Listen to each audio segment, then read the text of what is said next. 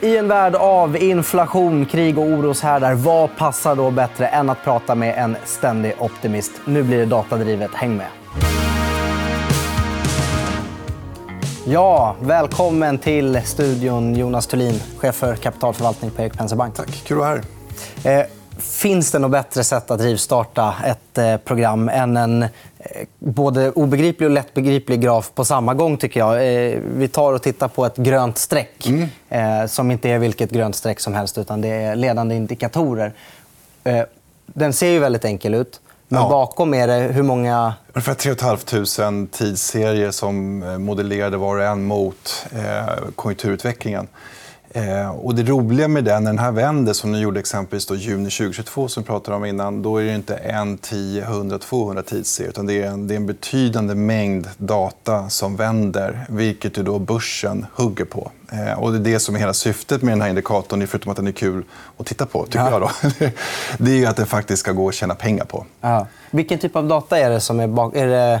BNP-tillväxt? Det... Nej, absolut inte. Eh, BNP-tillväxt är alldeles för trögrörlig och tillbakablickande. Ja. Vi använder väldigt lite såna här business service som ISM och PMI. för De är alldeles för liksom, eh, vad heter det? Liksom autokorrerade mot börsen. Utan här är det mer framåtblickande. Här kan det handla om hur, mycket, hur många ton kemiska varor flygs från Frankfurts flygplats. Hur trafikerade parkeringsplatserna på alla parkeringsplatser i Kina. Eh, och också, hur många biobesökare har vi i de stora städerna runt om i världen? Hur många tunnelbanor, alltså hur mycket tunnelbanetrafik? Men... Det finns massa rolig data. Och du, det är inte du som är ute på fältet och bockar i det här, utan det finns att hämta den här datan någonstans. Jag gjorde faktiskt ett projekt en gång när jag jobbade i New York. så skickade vi ut interns och räknade språk på Fifth Avenue eh, som en indikator för retail sales. Det fungerade faktiskt det här är ju inte igår, det här är nog i förrgår. Ja. Eh, men det fungerar faktiskt bra. Så jag har gjort några såna riktiga eh, roliga försök också. Men, det här är mer eh, applicerad ekonometri på, på data som finns ja. i marknaden. Och, och, sen finns det ju mer eller mindre nörddata, såklart. sen ligger några mer såna klassiska, mer typ belgisk orderingång som alltid ligger tidigt i europeiska cykeln och så vidare. Mm -hmm. Och så sa du, den här vill vi använda för att tjäna pengar. Ja, och, och, det roliga den är när den vände upp där under sommaren 2022. Det var ju där vi och säkert andra också lyckades skapa botten i sin globala aktieförvaltning. Eh, för att sen då riktigt ta fart och egentligen få riktigt betalt för den under 2023. kan Jag tycka. Jag kan tycka att vi borde fått lite mer betalt för den 2022 men nu vill man ju alltid, man alltid lite girig på det sättet. Men det fina här tycker jag det är att den gick så klart mot det rådande konsensuset. Så hade man trott på konsensus, vi skulle in i recession i vintras, och sen var det i våras och sen var det nu i somras igen. Nu pratar vi inte Sverige, nu pratar vi globalt och framförallt USA. Då är risken att man helt hade missat det här och suttit med alldeles för, för negativ världsvy. Medan i själva verket, det, det är tuffare tåg. Mm. Om man ska vara lite omvänd, då, är det inte farligt om det går för bra? För centralbankerna världen över behöver väl att ekonomin saktar in för att kunna börja sänka räntor? Ja, det där argumentet är intressant. Det ska sakta in för att eh, inflationen ska pika ur. Då är frågan så här, ja, om den är efterfrågandeledd så börjar den bromsas in lite grann, vilket man kan tycka att den är i USA. exempelvis. Sen får man inte glömma det att Europa har haft en utbudsdriven inflation. Nu har den börjat gå över kanske till en efterfrågan. Men det, det är ett argument som jag tycker är ungefär som att en svag svensk krona ger hög inflation. Låter rimligt och det finns i textböckerna från 80-talet. Rent just nu statistiskt, nej, så funkar det inte riktigt. Så, så det där är, är en liten klyscha, tror jag. Det, det hänger oftast ihop med att man ska se en stigande arbetslöshet för att därigenom få ner lönetillväxten, för att därigenom få igenom inflationen. Men eh, det finns så mycket intressanta frågetecken kring hur är de där sambanden egentligen. Eh, det är ju så idag att inflationen leder lönerna, inte tvärtom. Eh, och, och sambandet eh, arbetslöshet-inflation är ju helt sönderskjutet. Och då har man gått över till en andra. Man har lämnat Philipskurvan till fördel för Beveridgekurvan för att analysera det här. Mm. kan hålla på hur länge som helst. Ja, ja, ja. Det här är ganska intressant. Om vill man veta mer om de kurvorna får man googla. Ja, exakt. Och det finns också i vårt material. Eh, men det väldigt roliga där är att titta på att det finns väldigt väldefinierat för marknaden. När är vi en soft landing och inte? Och där har vi varit nu eh, under hela den här perioden. Så trots de argumenten så, så finns det inga problem för börsen att tuffa på. Och, och trots att det såg starkt ut i ekonomin så behöver inte det betyda att det inte går att få ner inflationen Absolut. Ja, precis, precis så är det. Mm. Utan inflationen är mer lite tursamt kan man tycka, lite mer komplex än så. Ja. Eh, den bygger väldigt mycket på, vi får inte glömma supply bottlenecks och så vidare som ju har, har imploderat totalt. Ja. ja. men det leder oss ju jättebra in på just inflationen som ja. är nästa bild. Precis. Eh, där vi då både kan titta på hur det har sett ut och hur det förväntas se ut en bit framåt. Eh, det är två olika linjer här. Den Den svarta är ju headline-inflationen helt enkelt i USA. Den blåa är hur den prisas in. Och det här kan man, man kan moderera inflation på massa olika sätt. Eh, men jag tycker det är ganska kul att kolla på de här liksom rullande forwards på inflationsgrejer. För man får den varje dag. Och då kan vi se just nu ska den komma upp lite. och då undrar man sig kanske varför då. Ja, det är bensinpriserna. Det kan vi mäta bara titta på hur mycket folk lägger ner med sina kreditkort på alla bensinstationer i USA. Fantastiskt rolig dataserie som ni kan förutse det här med. Eh, och mot det kan vi då lägga att ja, men vänta nu, huspriserna har kommit ner så pass mycket. Så det kommer bli en väldigt liksom, blöt filt ur inflationen. Nettot är nog att det kommer ticka upp lite grann för att sen då ta fart igen på det igen i oktober. Vilket är en sån här månad som vi redan nu har börjat förbereda oss för lite grann i böckerna. på men Vad ska man sitta på där? För Det kanske blir nästa stora rörelse i börsen. Ehm, så, och sen så kommer vi då puttra ner och hamna under 3 vilket leder till nästa fråga. Är det tillräckligt? Ja, ehm, tack. Ja. det kan vara man har på. Ja, för det var precis vad jag undrade. Är det tillräckligt? Ja, jag, jag, tror vi kan komma till ett... Eh, för om man tittar på senaste talen eh, så kan man ju mäta hur högaktig och duaktig Fed är eh, med, med matematik idag. De själva publicerar hur högaktiga och duaktiga är vi givet natural language programming och AI på vårt eget språk. Det, det är nåt de själva publicerar? De publicerar själva. Så Oj. de är högst medvetna om när de går ut och säger vad de säger i minutes och statements gräns. Tal annat är, är, är så att säga, lite mer, mer freewheeling. Men, men eh, det intressanta är att de i juni förra året var max hökaktiga. Sen har de krattat i manegen för det som alla vet komma skall, vilket är sänkningarna. Och då ligger vi nu ungefär... Vi tror att man kommer börja sänka i maj nästa år. Och då är man inne på ja, men inflationen tillräckligt låg. Och jag skulle inte vara ett dugg överraskad om man framåt vintern om vi bara säger att ja, 2,6, 2,7 det kanske är tillräckligt bra. Vi kanske har fått en parallelljustering i inflationen. För samtidigt får man inte glömma bort att inflationen är drivande av vinsterna i bolagen. Så det är inte så att hög inflation, jättehög inflation är dåligt. Men en, en bra inflation det är oljemaskineriet. Så vi vill ha inflation till en viss nivå. Mm. Jag avbryter där, innan, annars ska jag fortsätta. ja, jo, men, okay, så det, det, finns en chans att de säger att 2,6-2,7 är tillräckligt bra. Ja. Är, är, är det, finns det inte risk då att om de blir för mjuka att den börjar ta fart igen? Ja, eh, absolut. Det är risken. Det är det som gör det här så spännande. För ja. måste man sitta och, och nagelfara varje dag. Eh, är det så att marknaden tror att den kommer att ta fart igen där ute? Nej, inte, så länge, än så länge så, så, ser man inte det. Det skulle kunna bli så. Och då får man då gå in och titta på men var kommer den rörelsen ifrån. Är det nu exempelvis att vi ser att... Eh, jag är övertygad om att framåt hösten kommer man höra att inflationen kommer lågt men det är bara på grund av huspriserna. Man får inte då glömma att den steg också väldigt mycket på grund av huspriserna. Så alltså man, kommer nog alltid höra det här bruset. Eh, det, viktiga är nog liksom, med vad kan vi se rent modellmässigt i datan. Finns det ett strukturellt skifte så att vi ser att det kommer bli en hög inflation för en lång period? Och det är ingenting vi ser i dagsläget. Snar, snarare tvärtom. Jag skulle vilja sätta ut ett varningens flagga för att vi nästa sommar kanske sitter och pratar om deflation. Eh, för så pass lågt är kostnadstrycket från supply-nätverken. Men också Kina exporterar extremt mycket deflation. Eh, och det importerar man nu i USA. Så att det, det finns ett enormt liksom, hämmande inflationsfaktor där. På vilket sätt exporterar de deflation? Ja, man gör likadant som under pandemin. Ja. Eh, man går ut och köper marknadsandelar, väldigt grovt sagt. Ja, genom att sänka priser? Ja, och då finns det vissa som agerar mot det här, som USA gör. Som är där och pratar väldigt mycket med, med Kina hur man ser på konkurrens i olika... Det kan vara allt från tech till, till, till halvledarkomponenter, men också handelsavtal. Eller så gör man som, som kanske, om jag ska vara lite kritisk, i Europa som, som sitter och rullar tummarna och tycker att det här blir nog bra någon gång. Eh, men, det intressanta här är ju att, att det är inte en slump att Kina gör det här. De har gjort det flera gånger förr och de är väldigt duktiga på att helt enkelt prisdumpa sina varor. Ta marknadsandelar, oftast från europeer.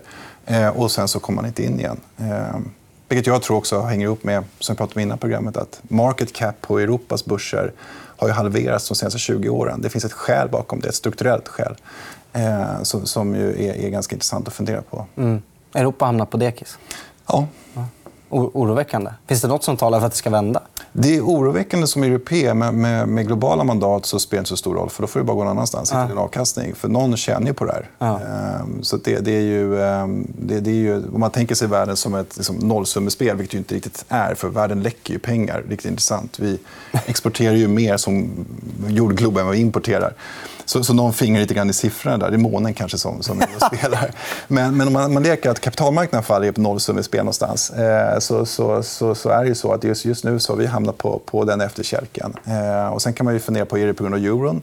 Är det på grund av institutionerna? I och med Bryssel är inte det snabbfotaste gänget. Eh, och det är ingen kritik, det är bara en institutionellt som vi vill ha. Eh, den är byggd på det sättet. Så det, det finns massa funderingar kring, kring det här. Mm. Vi tar och kikar lite på, på centralbankerna också. Eh, mm. För, för, Det är ganska intressant att se att Ja, men det här är en bild där vad är det? alla centralbanker nästan i hela världen... Ja, eh, var och en. Eh, och så tittar vi på de blåa staplarna som då är de centralbank, mängden centralbanker som fortfarande höjer räntorna. Ja, så ju eh, blåare det blir, desto högre är det ja. över hela världen. Ja. Och ska man in och handla ta position på den här då gäller det att vara med på andra derivatet vänder den svarta linjen. Så när vi vänder neråt här nu, när vi nådde max hökaktighet, det var augusti 2022, då, då, då måste du in på börsen. Det, det finns finns liksom inget alternativ till det. Och så ser vi nu de röda staplarna börja växa på nedsidan vilket innebär att det är fler och fler länder ute som, som sänker räntorna. Och, och det är väldigt intressant att, fundera på det som, som svensk. Eh, här sitter vi med eh, den, den sämsta ekonomin i västvärlden. Den sämsta enligt eh, Europakommissionen i Europa, såklart. Eh, och vi, har, vi ligger väldigt långt efter med, med centralbankshöjningarna. Så vi sitter ju fortfarande och tampas i den blåa regionen. Och då betalar vi ett pris på eh, börsen, framför allt. Eh, tyvärr, då, om man jämför svensk mot spansk börs exempelvis. Eh, och så vidare. Så, så det, är ett, det är därför den svenska kronan är så svag också. Svenska kronan är svag av, av flera anledningar, tror vi. Det är allt från räntediffa till positionering och konjunkturutvecklingen. vi får inte glömma att vi höjer räntan när vi har en svensk befolkning som aldrig betalat så här mycket i skuld. för att rulla sina skulder varje månad. Ska jag säga. Så debt service ratio är rekordhög. I USA rekordlåg i stort sett. Så I USA kan man höja räntan. Det är en efterfrågedriven inflation, lågt skuldsatt eh, befolkning. Man kan höja, inte så mycket händer med ekonomin. Man generaliserar. I Sverige är det tvärtom. Eh, här, här, eh, som jag sa någon gång för flera år sedan, ett ganska grymt sociologiskt experiment någonstans på, på när vi får en supply en utbudsdriven inflationschock att höja räntan när vi är så pass skuldsatta i ett konjunkturläge där vi ändå får så pass mycket stryk från resten av världen. Och för att accentuera problemen vi har i Sverige så har vi också en av de absolut sämsta likviditeterna på kapitalmarknad eh, i hela Europa. Så man kan tänka sig Bulgarien, Ungern och så vidare som då har en bättre fungerande kapitalmarknad än Sverige. Det är inte den bilden vi kanske har. Hur är det möjligt? Vi har varit väldigt duktiga på att reglera. Ja. Eh, och vi har reglerat bort väldigt mycket möjligheter för banker att sitta och ta risker och skapa likviditetssystemet. Vilket gör då att när vi får lite tjuråkning i företagsobligationer, exempelvis de mindre likvida, då försvinner marknaden helt och hållet. Och du måste helt enkelt hitta matchande flöden och så vidare. Så det finns massa förklaringar bakom den eh, tesen. Men, men allt det här händer lite grann, tyvärr då, samtidigt. The perfect storm. Ja, lite så. Men man får inte heller då glömma att ha den positionen på, eh, att vara kort kronor i exempelvis sina globala aktiemandat och varför inte räntemandaten, alternativa råvaror, vem man hittar på så är det en underbar krockkudde att ha. För att Den drar ner volatiliteten i portföljer, den ger en extra avkastning. Så det är ju ett, ett, ett allt är inte av ondo. Det går att tjäna pengar på det här också. Ja. Även fast det kanske känns eh, roligare att tjäna pengar på när det går bra. Ja, men genom att inte bara ha svenska aktier? Absolut. Ja. Mm. Eh, och på centralbankstemat, en annan fundering jag har det är när går börsen som bäst? Är det innan de börjar sänka? Är det efter centralbanken börjar sänka? Kan man se nåt sånt samband mm. historiskt? Det, det, du måste få till knäcken eh, i, i, i, banan. Helt enkelt. Det är därför han sitter och hetsar upp sig över räntebanor, ränteprognoser och alltihopa. För så fort du bara ser att du nått toppen. Så fort du tror dig veta att du har nått toppen, där är startskottet. Eh, och det kan man gå tillbaka och titta på alla räntehöjningscykler sedan 1928. För man kommer alla är olika. Men i snitt eh, så, så, vet vi det att så fort Fed är klara och säger att nu, nu har vi nått toppen, det är startskottet för, för, för börsuppgången. Eh, och sen så får man då komma ihåg, ja, vänta nu, man, de sänker sen på grund av recession och så vidare. Och, och kurvan ska då eh, eh, eh branta och det leder till nedgående börs. Så, så det är ett, ett, ett, resonemang som man hela tiden måste sätta i sitt kontext. tror jag. Men, ja. men övergripande så är det så. Men har det skett en tjuvstart nu? Då? För USA-börsen har redan gått starkt trots Nej, att startskottet inte riktigt Jag, jag tycker faktiskt att amerikanska börsen ligger efter. Ja. Eh, jag förväntar mig mer avkastning i USA. Eh, nu låter jag som en tok, positiv människa igen. Men, men rent statistiskt sett så har vi inte riktigt fått betalt för det. Eh, vi har faktiskt, om man tittar på ett annat sån kul historiskt resonemang, det är att det tredje året i varje presidentcykel är alltid det bästa. Och, och det här året är det tredje året. Men vi har inte heller fått det liksom statistiskt normala avkastningen för vad ett normalt liksom, tredje presidentårsval. Mm. Så att jag tycker det finns mer att, att hämta, eh, faktiskt. Mm. Vi ska titta på en annan eh, bild, nämligen överraskningsindex mot eh, reviderade vinstestimat, som också är intressant. Där vi ser då att eh, man brukar få revidera upp vinstestimaten när överraskningsindex överraskar uppåt. Ja. Så, så, så är det. Så därför makro är så intressant för oss. För att hittar vi brytpunkten i makrot, upp och ner eller, eller någonting annat, det kan vara ett mindre smalare tema och så vidare, så är det det som oftast leder vinstrevideringen. Och vinstrevideringen i sig leder börsen. Eh, vi använder inte 12 month forward P tal alltihopa för det släpar börsen. Vi använder inte EPS-prognoser för det släpar börsen. Utan ska vi lyckas se framåt då måste vi in på och titta på makrorevideringar och, och vinstrevideringar. Och sen kan vi då nörda ner sig i det här. Mm. För, för, för makroöverraskningar kan vi mäta på massa olika sätt. Ja, och hur mäter man det här överraskningsindexet? Ja, eh, vi använder olika. Eh, men, men och jag kan börja med det som de flesta brukar titta på. Det är Citys överraskningsindex. Okay, ja. och ska komma ihåg att de mäter överraskningar i makro via spotmarknaden, valutamarknadens reaktion. Eh, vilket innebär att är du inne i en dollartrend för att du har ett eh, Fed-möte någonstans då blir det en artificiell förminskning eller förstoring av de ekonomiska överraskningarna. För det går via spotmarknaden. Det är så de, de bygger upp det. Det här är indikatorn bygger med på att titta på vad det faktiska datautfallet blev i termer av standardavvikelse mot ekonomkonsensus. Okay. Sen kan man tycka att ekonomkonsensus kanske alltid är lite halvtrött. Vi kanske ska använda marknadens whisper numbers istället. Vad säger marknaden om att siffran ska komma någonstans? Och så kan man få ytterligare ett index och så kan man vara på så här tills man har en massa roliga, roliga index och så kan man sitta och bara räkna mellan dem. Eh, så det, det, det är en, eh, jag tycker att när man hör begreppet surprise index så ska man vara väldigt noga med och, och, vad är det jag tittar på. Är det egentligen jag tittar på en euro-dollar-kurs? Eller mm. vad, är, vad, är jag, vad är jag tittar på någonstans? Eh, den här då mäter väldigt enkelt utfallet mot ekonomkonsensus. Ja. Och då har vi då ett betydligt starkare. Och det roliga här är att det här bottnade då i juni 2022. Eh, samtidigt som det var läge, tycker vi, då, att kliva in på börsen rejält. Och sen hålla i det. Eh, tack vare makrot med den första indikatorn och sen kommer vinstrevideringarna. Ja, eh, men då ser det ju fortfarande rätt ljust ut. Ja, precis. För det ser ju starkt ut här fortfarande. Ja, så är det. Och, och ser du någon försvagning i de här siffrorna? Vi ser en otroligt stor skillnad mellan regioner. Ja. Eh, så, så, att vi, vi tycker det här arbetet med... Man brukar säga för, för fem år sen så var 90% av portföljens avkastning beroende av de strategiska vikterna. Nu, nu är det nästan att 70-80 eh, beror på det taktiska arbetet. vad är skillnaden mellan strategiskt och taktiskt? Ja, strategiskt så kan man tänka sig tillgångsklasser mot varandra. Taktiskt är med vad har du i aktier exempelvis, eller räntor för den delen. Så för oss spelar det väldigt stor roll nu. Har vi exempelvis, nu har vi inte det, men hade vi haft en tung home bias mot svenska aktier, då hade det varit eh, betydligt sämre år. Eller om det är då som, som vi har haft turen att hänga med på Indien, Vietnam, AI, husbyggare i USA, europeiska banker dess och Japan dess. Då är det en helt annan utveckling. Så, så här gäller det verkligen att veta, tycker vi, vart lägger du riskerna någonstans. Mm. Finns det något hopp för svenska börsen? Då? Absolut.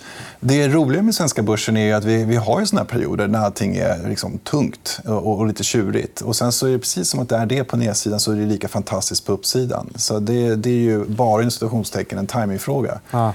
Sen tror vi att det finns kanske lite ljusglimtar i sektorer. Vi, vi har ju stoppat ner tårna lite grann nu i fastighetssektorn. Alltså. Med, med Catena och Saga, som konservativt finansierade fastighetsbolag. För vi tycker vi ser en, en, en uppgång i husprismarknaden, boprismarknaden. Mm. Eh, så att det, det, det får vi se om det stämmer. Mm. Eh, men våra, våra modellindikatorer är, är ganska övertygade. Ja. Man kan uttrycka det, inte för att jag sitter och pratar med dem. Nej.